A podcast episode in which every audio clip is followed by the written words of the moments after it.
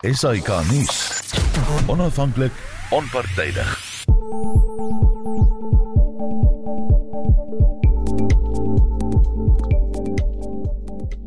Welkom by Vanaand se kommentaar. My naam is Susan Paxton. Mark Preller is my tegniese regisseur vanaand.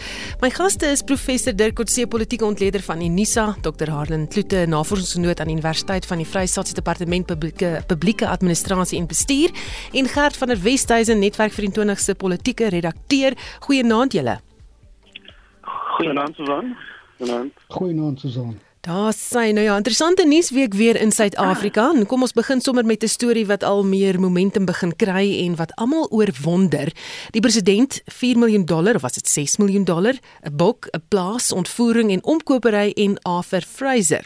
Nou die president het wel gereageer op die aantuigings tydens sy toespraak by die Limpopo verkiesingskonferensie. Kom ons hoor gou wat hy toe nou te sê gehad het. Some are casting aspersions about me and money. I want to assure you, comrades, that all this was money from proceeds from selling animals. I have never stolen money from anywhere, be it from our taxpayers, be it from anyone. I have never done so. Klank daar van die president wat gepraat het oor eh, of onder reaksie gepraat het oor die klagtes teen hom deur Arthur Fraser. Amambungani se artikel in Daily Maverick lees Ramaphosa's stolen millions en dan die volgende kinkel die Namibiese koneksie. Glo hy die verdagtes na Namibië gevlug en nie net uh, het hulle hulle opgespoor en probeer praat met die wat betrokke was nie. Hulle het ook glo bevind dat die Namibiese owerhede ooreed is in aanhalingstekens om die saak te laat gaan. Wat maak julle van die storie Dirk? Kom ons begin sommer by jou dit is baie moeilik om regtig te uit te werk presies wat hier besig is om te gebeur. Ek meen om te begin Arthur Fraser se betrokkeheid hierby skep baie groot onsekerhede of vra. Ons weet baie goed dat hy die vorige hoof van uh, die direkteur-generaal van die intelligensiediens was uh, dat hy uiteindelik van weg beweeg is daarvan na na korrektiewe dienste en dat hy nie weer deur president Ramaphosa in in die kabinet uh, er nie is sy kontrak as direkteur-generaal nie. So daar's baie definitief 'n persoonlike angel wat hier te sprake is.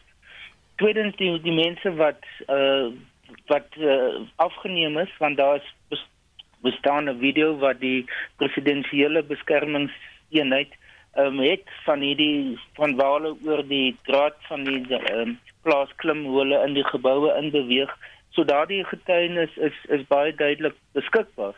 Ehm um, maar en dat hierdie persone uiteindelik betrokke was by by dwelms en misdaad op die Kaapse vlakte en dan hierdie persoon waarvan jy nou praat van Namibië uh, wat so Namibië toe gevlug het. So dis nie gewone kriminele nie. Dis nie mense plaaslike mense van in die omgewing van van Limpopo nie. So dit maak dit uh, baie moeilik om te verstaan waar kom hulle vandaan? Wat is die rol wat hulle in hierdie hele proses gespeel het? Ehm um, en dan natuurlik die onduidelikheid van wat is die status van van die geld? Ehm um, uh, die feit dat daar soveel geld is en dit klink klink asof niemand regtig weet presies hoeveel dit gespreek is en hoeveel daarvan gesteel is nie. Ehm um, die feit dat dit aangemeld is by die polisie, uh die plaaslike polisiekantoor en by die uh, presidensiële beskermingseenheid se hoof deur president Ramaphosa want uh, hy was op baie stadium in Addis Ababa gewees toe dit plaasgevind het by die Afrika Unie. Ehm um, en dan die die feit dat dit nou ehm um, eers op hierdie stadium nou 2 jaar na die tyd uh, dit deur Arthur Fraser bekend gemaak word en volgens die inligting is Arthur Fraser het hy hierdie video's gekry van een van die lede van die presidensiële beskermingseenheid So as jy mens al hierdie goed bymekaar sit, dan weet jy mos ek nie eintlik waar ons staan nie. Wat behalwe dat ons weet dit is duidelik daar's 'n baie sterk politieke agenda hier te sprake. Ehm um, wat baie beslis daarop ingestel is om president uh, Ramaphosa te probeer verkleineer of om baie uh uh um, uh vraagtekens oor hom te stel um, en om sy geloofwaardigheid te ondermyn.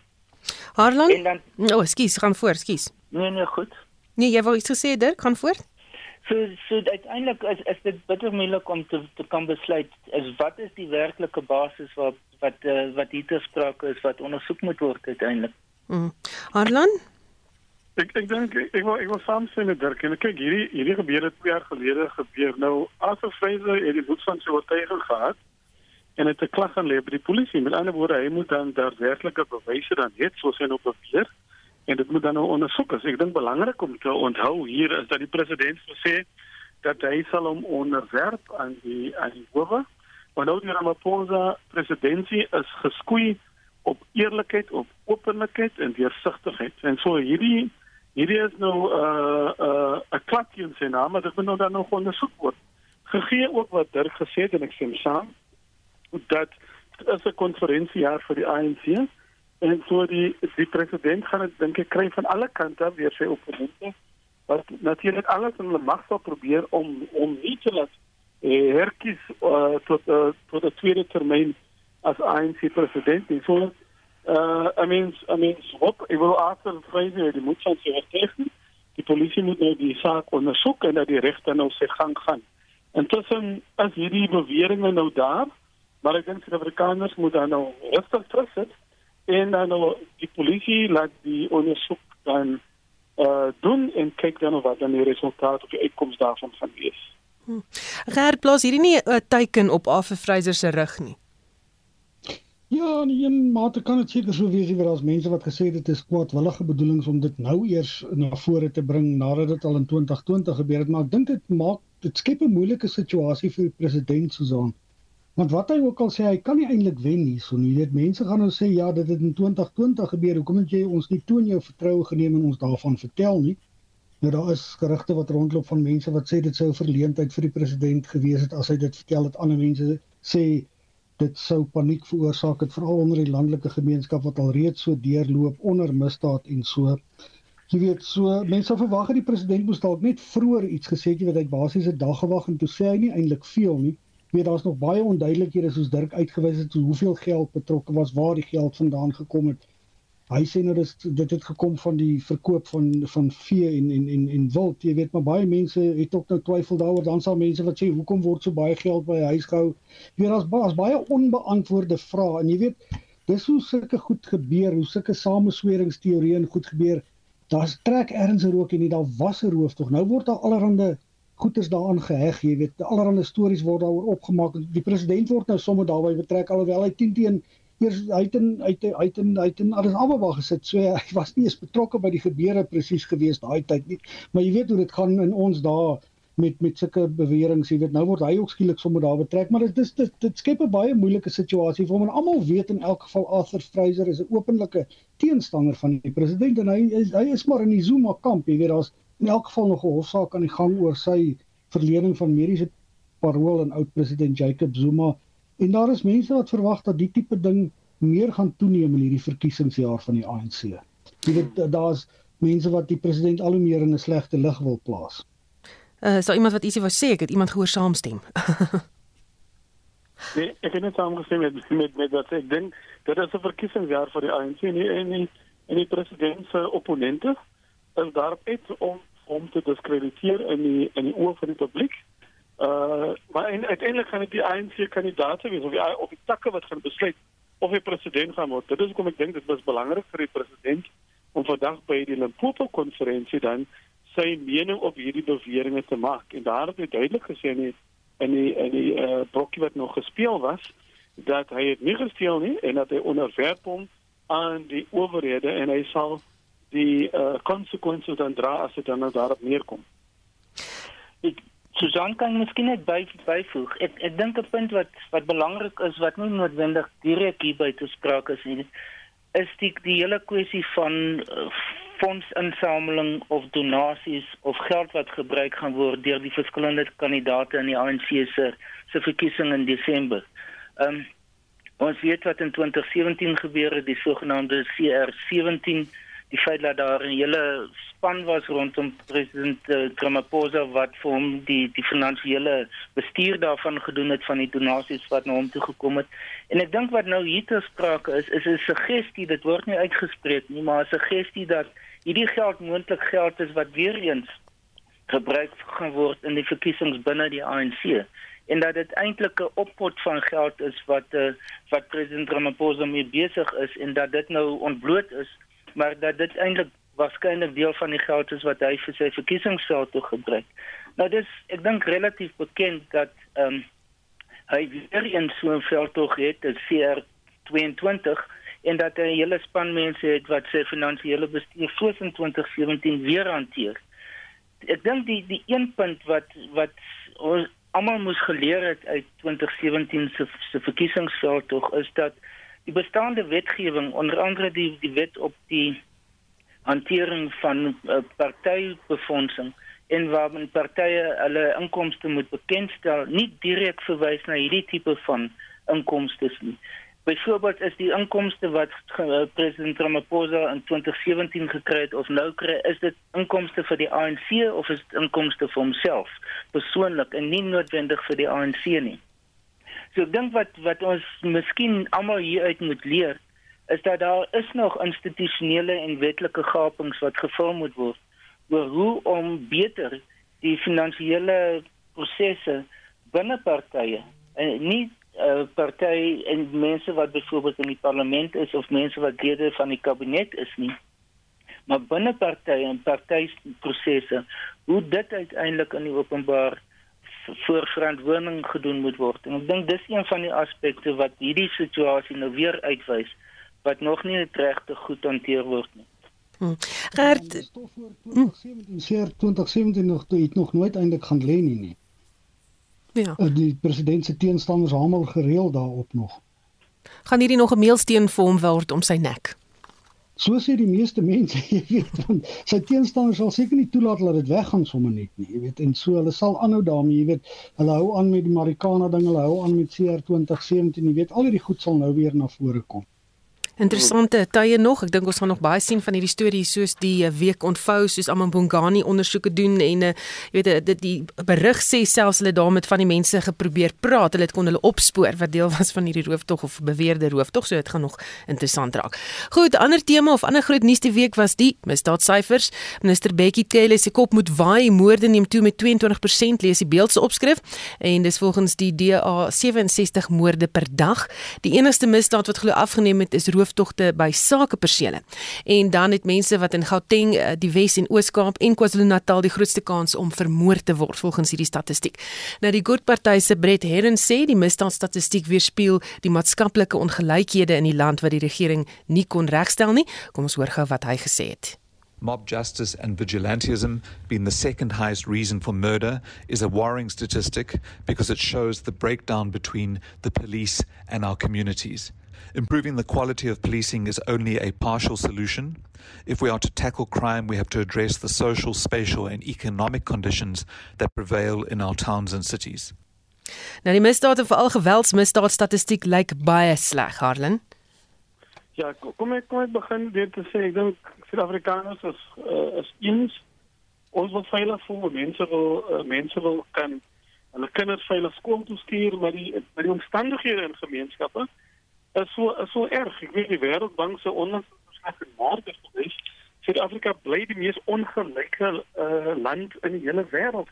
Met ander woorde, dit sê vir my dat ons maatskaplike beleid het nie gevolg werk nie in hierdie land nie. As ons nou sê die kapitalistiese stelsel is nou so goed en dit en dit werk nog vir almal, dit dit werk dan nie vir Suid-Afrikaners nie. Nou, ek weet nie wat is die alternatief nie. Maar die die huidige stelsel armoede en die gaping tussen ryk en arm raak net al hoe groter. Anton Rupert het gesê, "If they don't eat, we don't sleep." En nou daar ek ek ek, ek praat nie misdaad goed nie, maar ek dink die regering sal baie meer moet doen om die om die gaping tussen ryk en armes kleiner te maak. Jy weet sodat sodat elkeen daar daar is nie there's no justification for crime. Maar ek dink uh, mense uh, pleeg hierdie misdade as jy in armoede gebore raak is soos 'n 'n 'n bose gat wat jy nie uit kan kom nie. En jy weet armoede 'n liggie in se leef is geweld, is gesinsgeweld, is drankmisbruik, is prostitusie. Dis 'n hele uh, gat van gemors wat daar is. En, en jy weet ons moet ons sal baie meer moet doen om die gaping tussen ryk en arm in hierdie land kleiner te maak. Verkrachtings het ook toegeneem dit ten spyte van die samelewing se harde en duidelike oproepe dat dit moet stop. Of sien ons hier dat net meer daarvan aangemeld word weens die gemeenskap se opstand daarteen, Dirk? Ja, dit sou ons natuurlik nie weet nie, uh, want uh, ek meen daar is nie iets wat teen mense dit kan meet nie. Ek dink dit is definitief 'n moontlike faktor. Ehm um, en ek dink dit is ook te maak met tot watter mate daar byvoorbeeld nou meer en meer polisiekantore is wat beter ingerig is om geslagsgebaseerde uh, geweld te kan hanteer. Um, daar is spesiale offisiere of amptenare binne polisiekantore wat nou daar's oor 1000 polisiekantore wat blykbaar nou beter ingerig is om dit te kan hanteer blykbaar nog ek dink nog glad nie soos dit moet wees nie maar dis ten minste 'n paar stappe vorentoe. Ehm um, ek dink wat wat mense miskien in terme van misdaad moet kyk is dat aan die een kant is daar sistemiese aspekte of strukturele aspekte wat met misdaad geassosieer word, soos byvoorbeeld ongelykheid, soos sosio-ekonomiese probleme, soos werkloosheid, ehm um, soos die die die ehm uh, verhouding binne families, ehm um, geslagsgebaseerde geweld um, ensovoorts. Dis dis een dimensie en dit is iets wat nie op die kort termyn noodwendig onmiddellik herstel of verander kan word en wat dis veranderde patrone in misdaad tot gevolg kan hê nie. So so die so wat wat in die eerste instansie wat op die kort termyn nodig is is om die polisie dienste te verbeter. Ehm um, want selfs as hierdie situasie, hierdie faktore te teenwoordig is, kan beter polisieering en en meer effektiewe polisieering en meer wyd versprei en meer gefokusde polisieering weet meer gefokusde eenhede byvoorbeeld wat spesialiseer spesifiek op spesifieke terreine kan 'n verskil maak.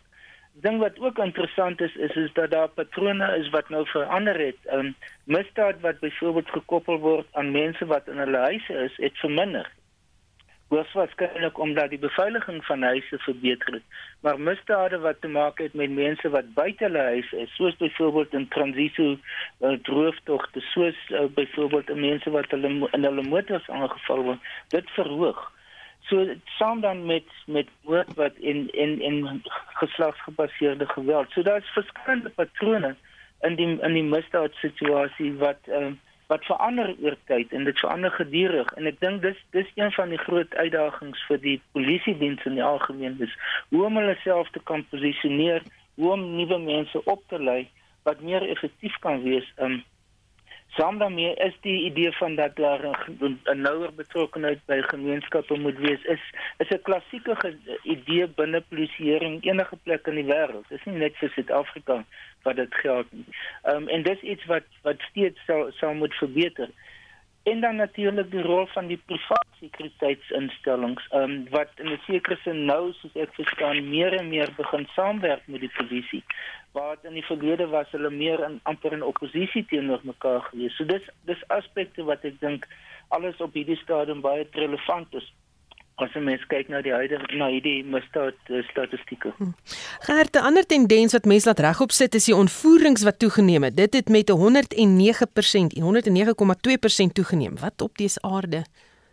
Ja, dit is nogal ontstellend. Eh, Susan, mense moet net altyd uh, sien onthou hulle um, motorkapings word ook daaronder gereken. So as jou motor gekaap word en die kapers ry en met jou saam dan dan, dan uh, word dit ook as ontvoering beskou maar ons het al 'n paar gevalle gesien hierdie jaar ons onthou die die um, kinders daar in in in in Limpopo wat onder ontvoer is Daar was verlede jaar daai een kleuter wat ontvoer is. Jy weet dit dit dit neem al hoe meer toe sulke tipe ontvoerings en waar daar losprys dan geëis word. Jy weet ehm um, maar maar wat Dirk gesê het is eintlik baie baie belangrik. Jy weet dit gaan lank vat om die maatskaplike toestand te, te herstel. Kyk, ontvoering is ook 'n maklike manier om geld te maak as jy nie geld het nie. Maar uh die polisie diens sal sal dringend moet verbeter. Jy weet wat vir my verskriklik ontstellend was was 'n interne meningspeiling wat onder polisielede gedoen is en wat verlede week beskikbaar gestel is in die parlement, jy weet wat byna 61% van lede van die Suid-Afrikaanse Polisie diens wat daaraan deelgeneem het, het aangedui hulle dink nie die polisie wen die stryd teen misdaad nie. 53% van hulle het gedink hulle kollegas is oneerlik. Jy weet so hulle vertrou nie hulle kollegas nie. Hoe erg moet dit wees om met 'n kollega uit te gaan en jy vertrou hom nie? 51,39% het geen selfdissipline nie en 54,11% misbruik hulle mag wat verstommend is, jy weet. En dit het ons gesien ook met die met die COVID pandemie waar die polisie baie hard opgetree het teen die armstes van die armes in die gemeenskap, jy weet die mense wat dit die minste nodig het. Daar word sambokke geslaan en mense word aangerand en so En dan het 41,72% van die deelnemers ook aangedui dat hulle nie tevrede is met hulle huidige werksomgewing nie en 37,7% het gesê die polisiediens is nie 'n goeie organisasie om voor te werk nie. Nou sulke syfers behoort die kommissaris slaaplose nagte te gee. Want ek dink dit is deels te wyte ook aan die gebrek aan leierskap wat ons in die polisie gesien het die afgelope paar jaar waar die kommissaris en die minister nie eens met mekaar gepraat het nie. Jy weet dit was verstommend geweest om te hoor hulle praat nie met mekaar nie, dat hulle mekaar selfs weer spreek op sekere geleenthede. En ons het verlede jaar met die onruste in Julie in Natal reeds gesien hoe onbevoeg die polisie mag is. Baie plekke wou hulle nie optree nie, baie plekke het hulle aangekom, hulle het nie opgetree nie. So daar's baie baie werk te doen aan die polisie. En ek dink as jy gewone gewone misdaad ook wil keer, jy weet soos rowe, ontvoerings, hier ons het in die ou dae moord en roof eenheid gehad. Ons het 'n dwelm eenheid gehad. Ek dink dit is baie belangrik Dirk het dit ook nou genoem dat daai eenhede weer in die lewe geroep word. Jy wil dat daar spesialistmense is wat kan spesialiseer op 'n sekere soort misdaad. Dit is altyd goed as jy spesialiste is wat op sulke goed kan kan kan uh, konsentreer en dan sal ook sprake laat mense wat in die polisie diens gedien het wat goeie werk gedoen het weer kan aansoek doen vir werk in die polisie. Weet dat jy daai ervaring weer kan terugkry. Want ek dink baie van daai ervaring is verloor. En dan is ook deesdae word daar al hoe meer kommer uitgespreek oor die opleiding van polisie maar laat ons net kyk dat die opleiding van polisiebeamptes weer opgeskerp word jy weet. En en ja ek dink regtig die belangrikste taak nou hier is om te kyk na jou polisie diens Harland, ons het nou gepraat oor die polisie, ons het gepraat 'n bietjie oor die minister, maar wat van die samelewing? Wat is ons rol hier om misdaad te bekamp of te verhoed of ek weet nie hoe ek ek ek, ek, ek dink nie en nie dink nie in die area waar ek bly in in in die, die Parel omgewing dit is baie aktiewe buurtwagte waar waar gemeenskappe self uh, uh patrolleer selfs kameras insit en en en self uh, voorkomend optree en waar mense dit dan nou vry, vrywilliglik doen. Uh die die studie wat Gert nou net van gepraat het, jy know dat die polisie vertrou nie eens mekaar. Ek dink dit is die algemene dat samelewing wat ons gesien het verlede week in die Kaapse voorstad waar een van die mense vermoor was deur 'n mob is mense het bloot nie vertroue in die polisie nie. En dit is dit is so jammer, maar dit is 'n patroon wat nou 'n lang tyd aankom. Jy weet die die al hoe meer mense verloor vertroue in regering se vermoë om kyk die staat moet kyk na sy mense. Die die die doel van die staat is toe is om te kyk na sy na die welstand van sy mense en en dit regtig bekom het dat mense hulle vertroue begin verloor in die in die staat en in die in die regering en in die staatsinstellings. Maar ons in gemeenskappe het jy aktiewe buurtwagte wat ek glo 'n groot rol speel om ons daar te voorkom. Ja. Goed. Maar dit maar, mm. maar, maar, maar, maar dit weet jy as korttermyn ons is nie goed dink ek in hierdie land met langtermyn oplossings nie. Werkskepping armoede, werkloosheid, ongelykhede, dieselfde energie moet ons sien in daardie maatskaplike sosiale probleme wat dit dan nou te wat om, om dit te kan voorkom. Uh wat doen ons meer om geleenthede te kan skep vir Suid-Afrikaners om in besighede om dan nou werk te kan te kan kry en en en wat doen ons in in, uh, in opleiding en in die onderwys? Ek dink ons gaan later daaroor ook praat. Maar jy, weet al hierdie goed is verbind. Dit is nie dit is nie een nie as jy dit, dit wat ons gepraat het van die polisie as jy daai studie doen in plaaslike regering dan gaan ek dan gaan jy waarskynlik dieselfde resultate hê. Mense se vertroue in regering is op die ek dink op 'n laagte punt in hierdie land. Ek sien 'n luisteraar wat sê dis die howe wat ons val, vrouens en kinders. Ek self ervaar dit elke dag in die hof as 'n kinderbeskermingsmaatskaplike werker kyk na die howe. Dis 'n bietjie terugvoer oor hmm. daardie storie en Dirk, dan het ek hierso 'n interessante vraag van 'n luisteraar en is nou met betrekking tot ons eerste storie. Wat nou van die opsy staan reël ten opsigte van die president? Moet die vervolgingsgesag eers besluit? Dis Louwelen van Bloemfontein wat vra. Wel, as dit gaan oor die, opsy staan reël, dit die ANC se se uh, nasionale uitvoerende komitee se besluit eintlik by verskeie uh, vergaderings is is dat dit geld vir mense wat aangekla is in die hof, wat reeds dis voor die hof verskyn het waar daar 'n spesifieke aanklag te sprake is um, en wat dus deur die proses gegaan het dat die nasionale vervolgingsgesag hulle voor die hof gebring het. Ehm um, hmm. so dit beteken nie dit geld vir mense wat byvoorbeeld daar vermoede is dat hulle by een of ander ernstige oortreding betrokke was. Ehm um, en maar wat nog nie voor die hof verskyn het nie. In daardie gevalle is dit persone as daar genoeg rede is, moet dan voor die ANC se integriteitskomitee verskyn, maar nie die opsy staan reël nie. So dit is in hierdie geval omdat president Ramaphosa nie aangekla is nie, geld dit nie vir hom nie. Goed, dis die stem daarvan professor Dirk Coetzee. Ek praat ook met dokter Harlan Kloete en Gert van der Westhuizen. Volgende tema, die Limpopo Leierskapskonferensie het ook plaasgevind die naweek. Stan Matabata, Matabata, skus tog, is herverkies as die leier van die ANC in Limpopo het gesê hy verloor nie sommer nie. 'n Konferensie wat in teenstelling met die ander provinsies sover baie glad verloop het sonder voorval en uh, die president Cyril Ramaphosa, die provinsie geloof vir die goeie werk wat hy gedoen het tydens die konferensie. Kom ons hoor gou wat hy gesê het. When we hold our conferences, all we want to do is to elect leaders into positions. You debunked that because you were able to work and go through conference policy documents and you produce a wonderful declaration and wonderful reports. So I applaud you and I say thank you very much for doing what you did. Gert, is uh, jy verras dat dit so glad verloop het? Uh, ja, ek het ek het nie eintlik geweet wat om te verwag nie. Jy weet, mense hou maar nou altyd die Oos-Kaapse Kongres in jou agterkop wat so chaoties verloop het, maar ek dink dit is nogal vir die president en vir die ANC self verblydend dat hierdie kongres baie ordelik verloop het want ek het vroeër gesien dat daar ook selfs hierso in by die uh, plaaslike kongresse die naweek in in Gauteng by Tshwane en Johannesburg daar selfs um, gepraat word van sekuriteitsmaatskappye wat moet help om mense te beskerm. So ek dink dit is baie belangrik dat dit ordelik verloop het want almal dink die hele tyd o, gat, die Oos-Kaap is 'n voorspel van wat in die res van die land gaan gebeur en die mense moenie altyd seker die negatiewe probeer raak sien nie.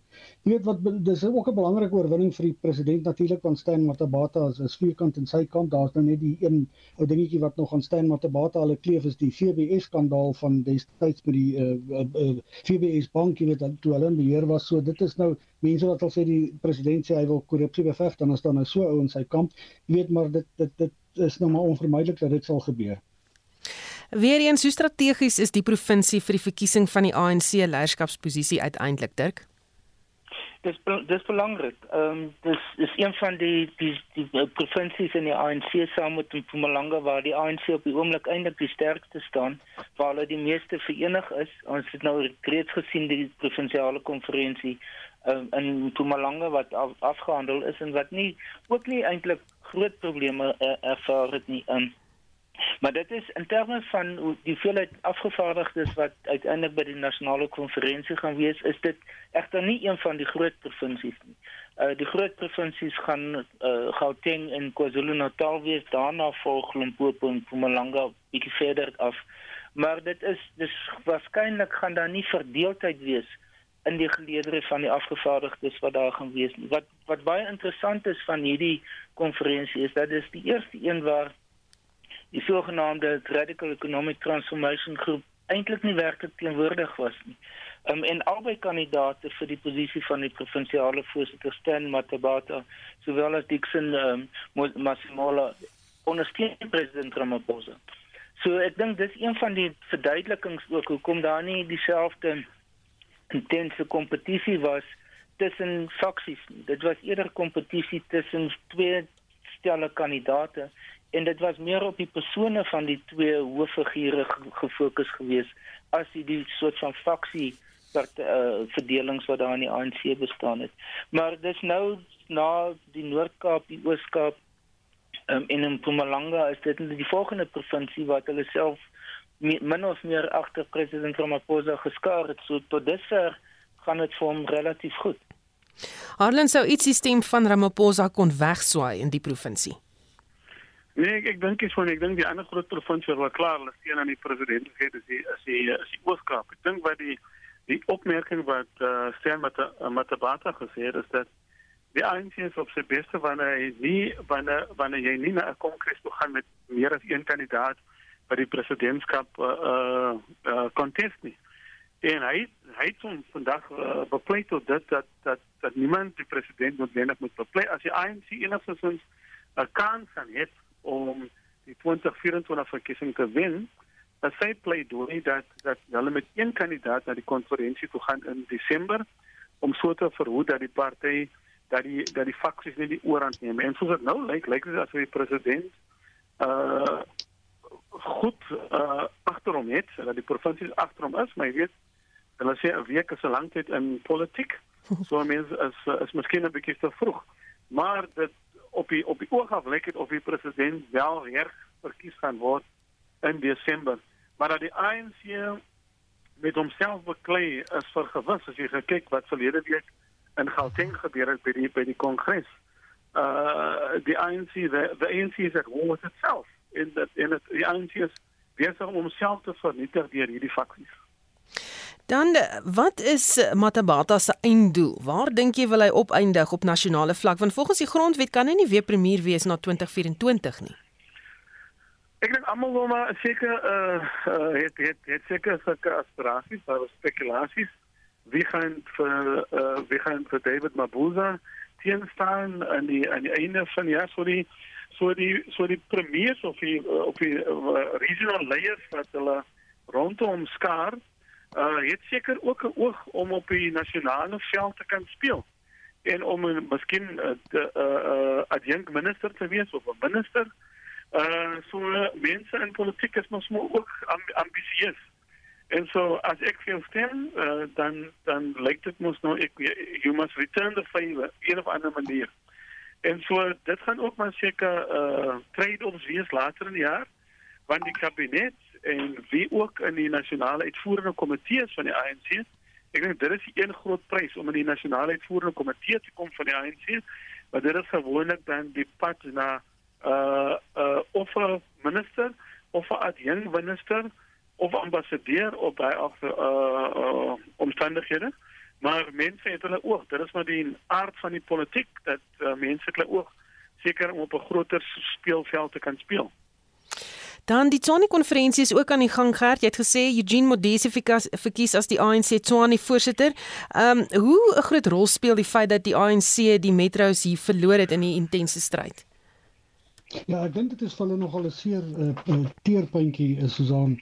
Ehm um, in Pretoria het dit nie baie goed genoeg gegaan in Johannesburg het hulle nog 'n kans. Daar's die polisie dalk maar bietjie wankelrig, maar ons het verlede week gesien met die tussenverkiesings en Dirk is altyd baie goed met die ontleding van hierdie munisipale tussenverkiesings het die ANC en Soweto nogal kwai steen afgestaan aan Action South uh, Action SA, jy weet, en dit dit moet vir hulle nogal 'n tendens wees wat hulle bekommerd maak in Johannesburg dat hulle soveel steen afstaan aan Action SA en hierso in Pretoria Jy weet dit het nie baie goed gegaan met die ANC nie. Dit daai jy weet daai ondersoek van oud oud president Glema met klante wat bewys het hy's geweldig baie misdaad betrokke by die politiek in Pretoria ook.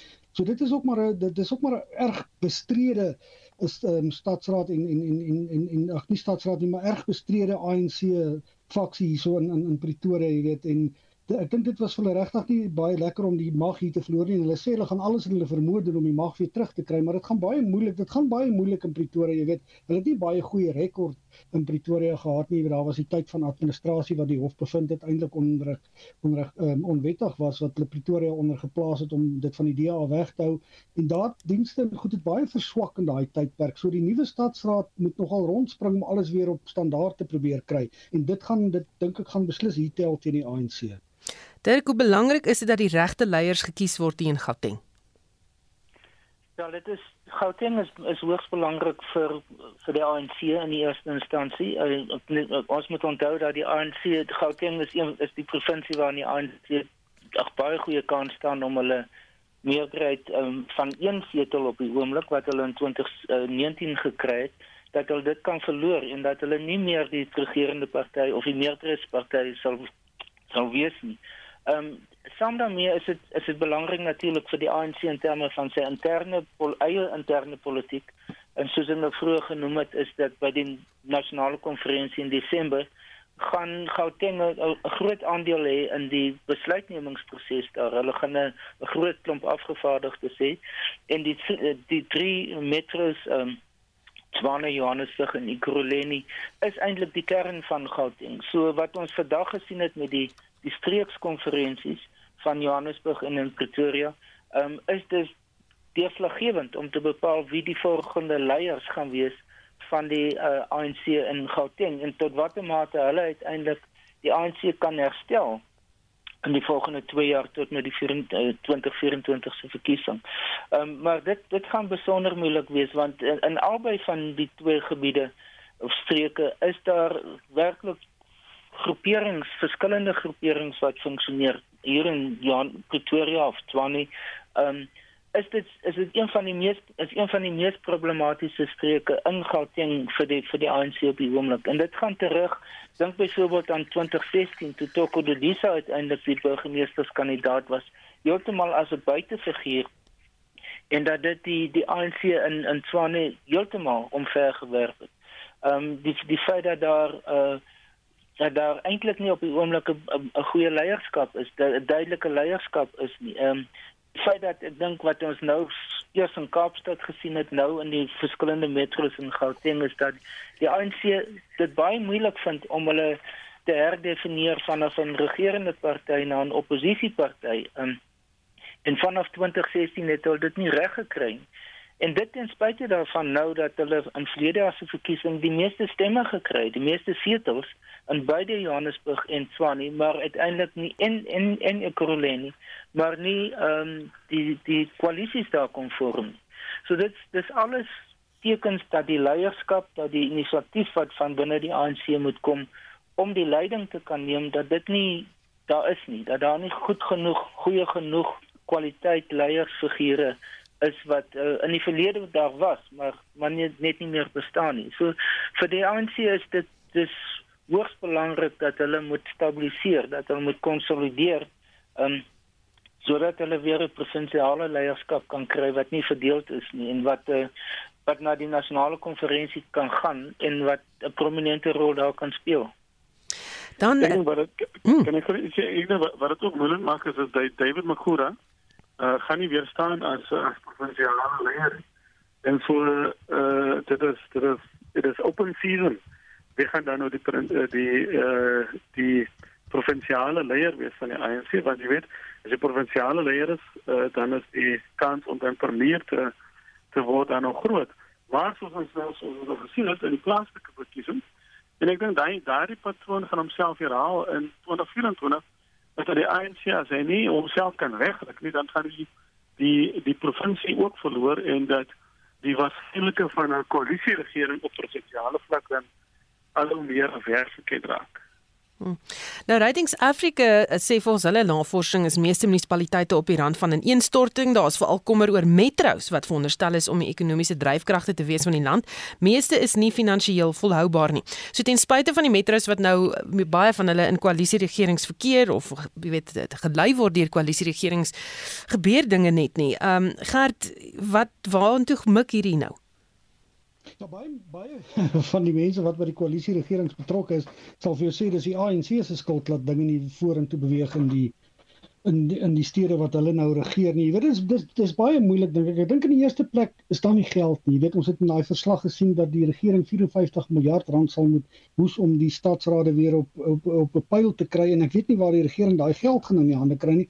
Maar ek dink ook nie die die die, die geld wat inkom met belastings en met met uh,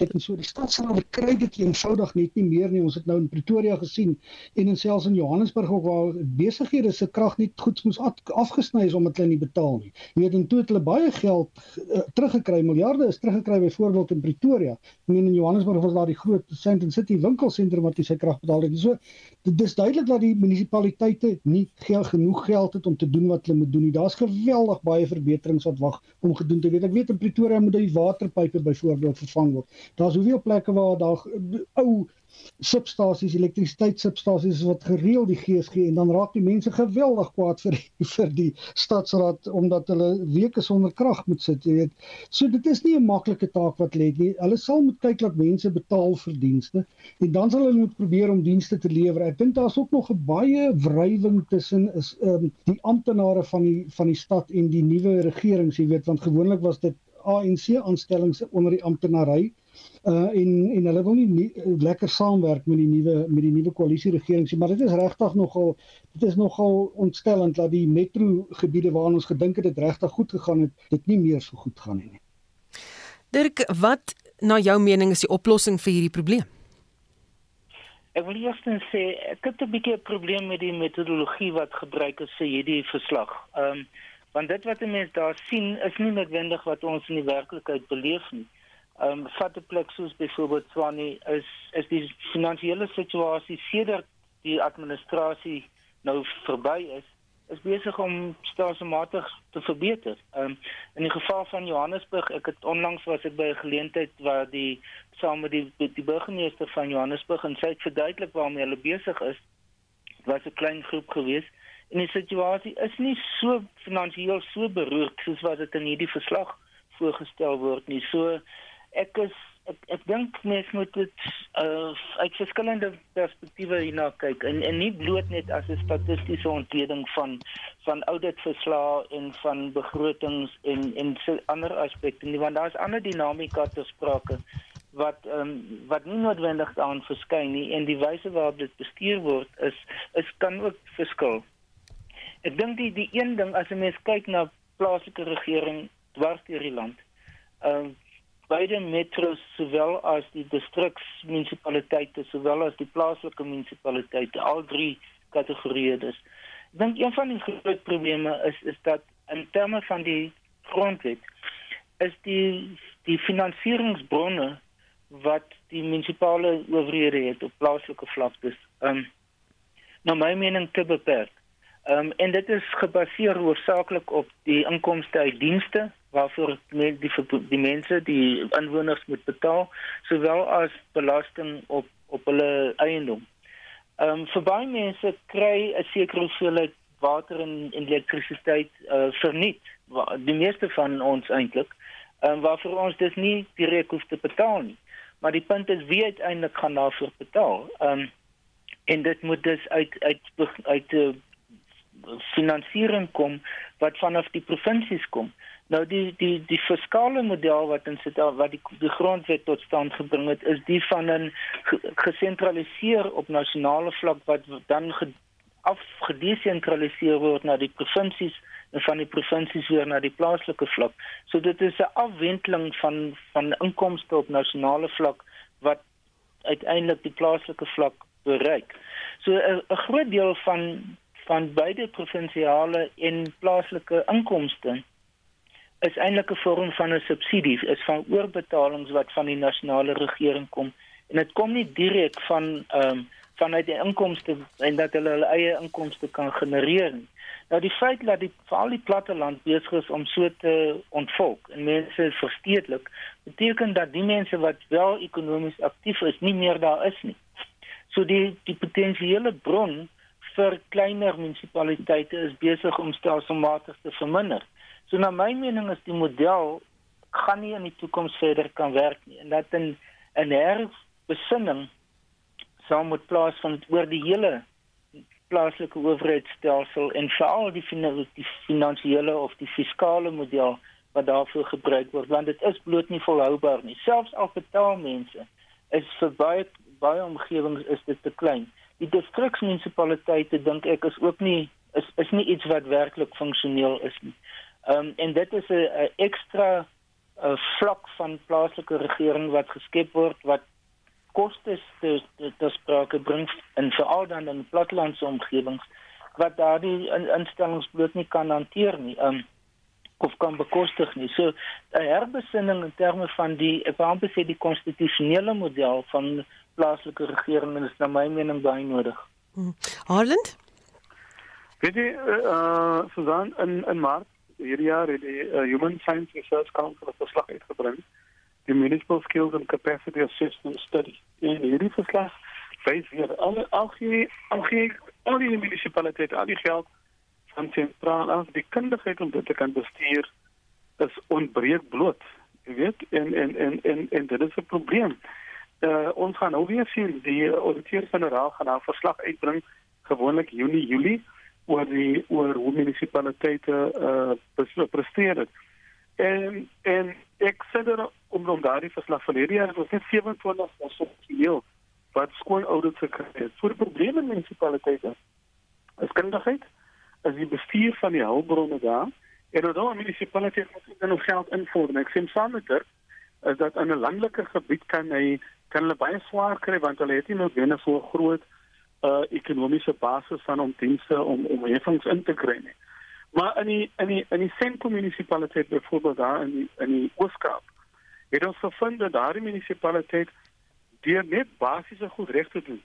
Die burgemeester is daar amper vir die laaste die uh, munisipale bestuurder daar vir die laaste 20 jaar. Die burgemeester verstaan haar rol en daar is wederwysige respek vir dit is hoekom ons in hierdie amp is en dit is wat ons hoekom hoekom ons dit doen. Die munisipale uh, die finansiële bestuurder daar uh is het het hierdie rangse kom van 'n intern tot die hoofuitvoerende beampte vir die finansies, die CFO. En vir dit die probleme in munisipaliteite, het die markstudie vir weer eens bewys is kundigheid is is leierskap as die gaping tussen gemeenskap en munisipaliteite en hopelik nou wat die uh, die nuwe uh, regulasies ingaan kom met die aanstelling van personeel in Julie en en en human resource development gaan ons daardie prentjie miskien dan nou verder gaan kry. Maar dit is 'n langtermyn. Jy weet die nuwe regering in hierdie land het maar nou 'n plaaslike regering 1 November oorgeneem. Hulle het nou dwars oor die land almal het nou begrotings goedgekeur en nou moet hulle vir die volgende 5 jaar bestuur volgens 'n geïntegreerde geïntegreerde ontwikkelingsplan en mense moet nou dan kan sien oor die volgende 2 jaar hoe hulle dan uh presteer. Maar die probleem in plaaslike regering is leierskap, leierskap, leierskap. Dit is waar ons probleem is. Ons het nie die da in 'n studie op studie bewys dat ons die die verkeerde hande by die by die kasregister het die vorige uh, auditeur-generaal gesê Kimi Mkwetu. Hy het gesê ons het ons het die verkeerde hande by die regering. So die hulpbronne wat ons het, bestuur ons nie reg nie. Hm. En daar is ook nie dan voldoende uh gevolge daarvoor nie.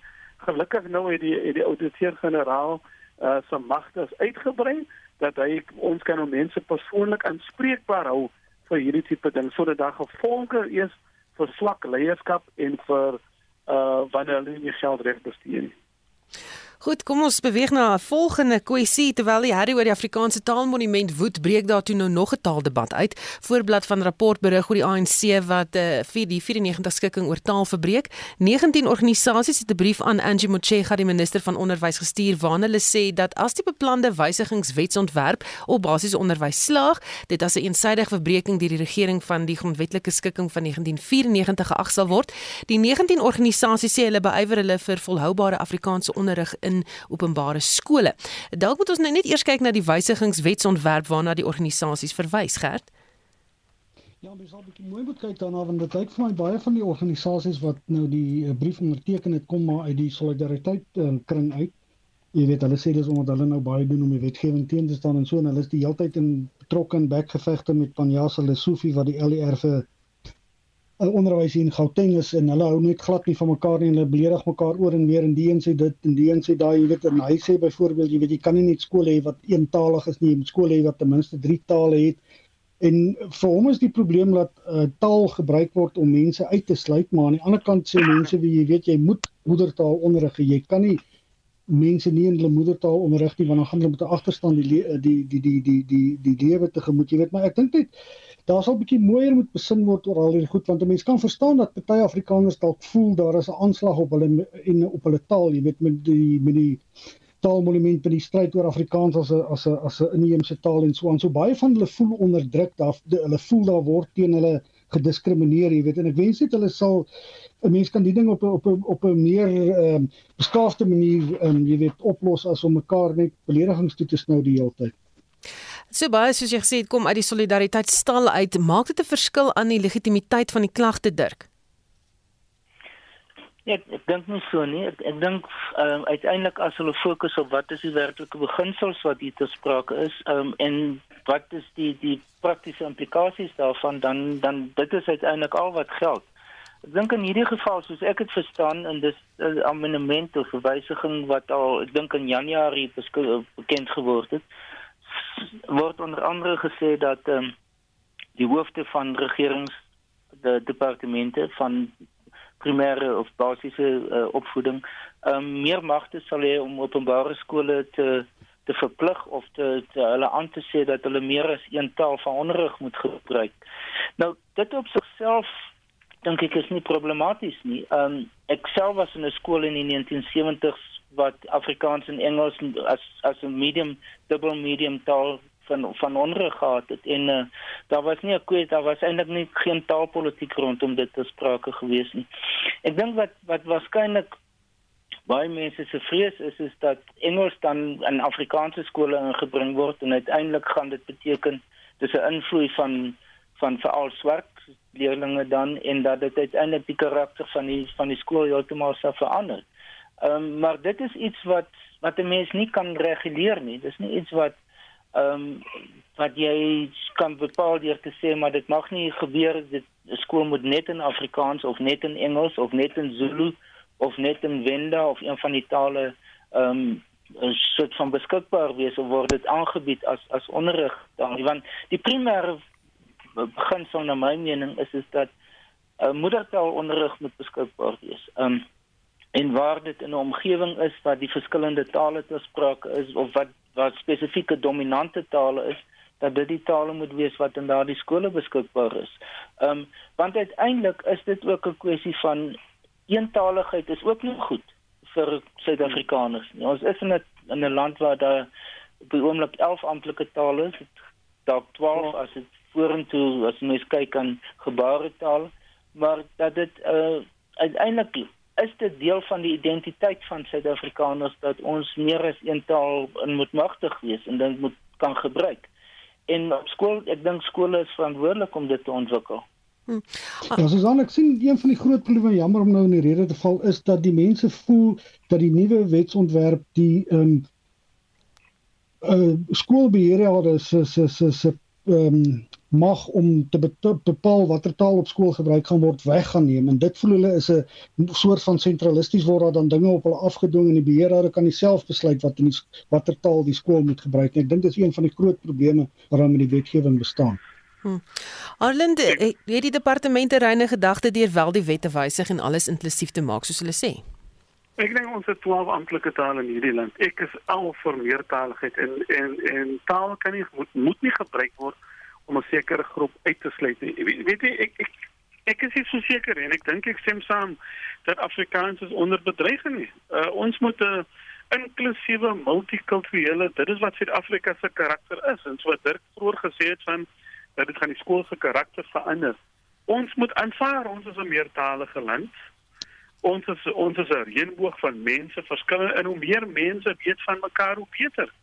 En dit is Nelson Mandela gesê as jy met 'n persoon praat in sy eie taal, is dit onmiddellik 'n brugbouer. Ek dink nie ons is in hierdie land ernstig wanneer die ANC regering se se leierskap met meertaligheid nie. Hoe verklaar ek dit in die Weskaap dat kinders 25, 26 jaar demokrasie nog nie 'n derde taal kan praat vlot nie. Maar Afrikaans en Engels kan hulle vlot praat. Ek kyk net na my eie kinders. Hulle het kosse gehad hier as 'n vak hier in die uh, graad 1 graad 2 maar is dit glad nie magtig nie. Maar die regering het ook gefaal om sy in sy poging om hierdie reënboog te skep in die meertaligheid te kan uh, te kan skep. Ek is nog nie 'n taalpurist nie of uh, of 'n taalkundige nie, maar ek dink hoe meer tale 'n persoon kan praat, hoe beter is dit, hoe beter kan hy kommunikeer met Suid-Afrikaners en die karakter van Suid-Afrika die karakter van skole. Ons moet 'n inklusiewe samelewing skep wat 'n welkome uh houding skep vir almal. En die mense uithou deur 'n taalbeleid deur eksklusief te wees nie. Ek sê nie mense moet nie 'n moedertaal onderrig word nie. Ek is al I'm all for that, maar ek dink meertaligheid is dat is dat ek ek vind my aan die aan die kant van meertaligheid. Hoe meer tale persone kind kan uh, basraak, hoe beter en hoe meer sal ons mekaar kan leer van mekaar, van mekaar se kulture, verskillende deur mekaar se tale te kan praat. So ek is vir dit. Hmm. Goed, ons het nog so 5 minute oor. Ek wil vinnig gesels oor die brandstofprys. Dit is almal op ons tone gehou hierdie week. Die regering het baie lank gevat voor hulle die aankondiging gemaak en gesê het goed, ons gaan die heffings, jy weet, steeds daar inhou. Ehm um, Dirk, het die regering enige ander keuse gehad as om heffings, eh, jy weet, daar op te hef steeds? Ja, ek dink hulle was in 'n baie moeilike situasie want uh, aan die een kant is die die die die faktore wat die uh, brandstofprys opjaag en dit is die die olieprys sowel as die die verswakking van die rand terwyl in die tussentyd het die rand begin verbeter of versterk. Ehm um, was die hooffaktore gewees. Ehm um, en daarom was die die besluit om die die verskillende vorms van tariewe of belastings wat uh, wat in die afgelope 2 maande uit uitgesluit is um, om dit tot tot begin Julie weer uit te sluit dit was dis omtrent die enigste opsie wat hulle gehad het. Ek ek ek weet nie ek, ek in terme van die wyse waarop die brandstofprys op die oomblik saamgestel word, daar's omtrent vyf verskillende elemente wat bespreek is. Ehm um, die feit dat Netlab die National uh, Economic Development and Labour Council die forum is waar oor jare reeds besluit is oor hoe die brandstofprys uh, saamgestel gaan word en dat dit op 'n maandelikse basis sal plaasvind. Dit is alles die basis waar waarop dit uh hierdie berekenings gemaak en en die aankondigings gemaak is. So binne hierdie raamwerk wat dink ek was daar nie eintlik uh, enige ander opsies gewees nie want dit wat oorbly is dit die kleinhandelsprys wat die uh, uh, brandstofstasies kan kry die die groothandelsprys wat omtrent 3% is Ehm um, en dan die die basiese brandstofprys wat oor waaroor Suid-Afrika of die regering geen beheer het nie want dit is die internasionale olieprys en die vervoer daarvan um, na Suid-Afrika toe. Ehm um, so as gevolg daarvan ja, dit dit raak ons almal besonder sleg en dit het 'n drempel effek reg deur die Suid-Afrikaanse samelewing en die ekonomie en dit sal seker die inflasie ook negatief raak. Ehm um, maar uh, vir nou, ek dink die dit wat ons op moet fokus of eintlik ook moet hoop en bid is dat die olieprys met tyd gaan afkom en dat die rand gaan verbeter ook. Hmm. Harland nou 'n heel ander vraag, wat gaan jy hierdie week dophou in die nuus of op die politieke front? Ek dink uh, die onvolde storie is die van uh, president Ramaphosa. Uh, wat wat wat is die volgende skrywe? Uh, vir my ook die moordsaak op Senzo Mjeni die uh, Suid-Afrikaanse sokkerkaptein. Dit is van die goed wat wat ek dop hierdie week. Gert, wat gaan jy dop hou? Ja, Aaron is reg, jy weet dit is ons sal seker maar almal die president dop hou wat met hom gaan gebeur. En dan nou ek ook maar nog steeds die oorlog in Oekraïne dop, jy weet ons het dit al bietjie begin vergeet. Dis nou al 100 dae gewees verlede week, maar dit gaan nog steeds aan en dit raak dit raak baie lelik vir die mense in die Oekraïne, jy weet, ek dink selfs vir die mense in Rusland. So dis iets wat ek die hele tyd maar dop hou. Hm. Dirk, wat op jou radar? Ja, ek dink die situasie in die Oekraïne is ons begin soos Gert sê daarvan soms 'n bietjie vergeet. Ehm um, dit lyk vandag is het ek nou gesien weer was daar aanval op Kiev gewees. So die oorlog is is is nog baie vloeibaar. En soos ons almal weet, dit het 'n effek op ons tot in ons kombuise en in ons motors. Ehm um, die volgende ander punt wat er meer van 'n langtermyn situasie is wat nie noodwendig hierdie komende week in die nuus gaan wees nie, maar is die die ontwikkelings rondom die die verkiesingswet, die wet op die -hmm. verkiesings in die kiesstelsel en die die amendemente wat moet in, ingevoer word oor die die insluiting van onafhanklike kandidaate. Ehm um, vir my is dit 'n is dit 'n baie groot saak hierdie is baie groot probleem dink ek soos dit op die oomblik is. Ehm um, en dit is in die parlement, maar uh, ek kan nie regtig sien wat daar op die oomblik besig is om plaas te vind om van hierdie baie dringende probleme aan te spreek nie. Ja, dis 'n interessante storie daardie ook. Baie dankie. Dit was dan kommentaar vanaand. My gaste, soos jy gehoor het, professor Dirk Coetzee, politieke ontleder van Unisa.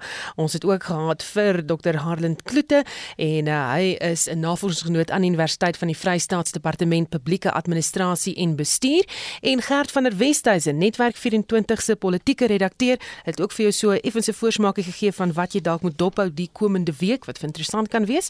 Onthou 'n uh, monitor môreoggend tussen 6 en 7 is ek weer terug gesels ons nog aktualiteitssake. daarmee groet ek Susan Paxton en my eh, tegniese regisseur vanaand Mark Preller.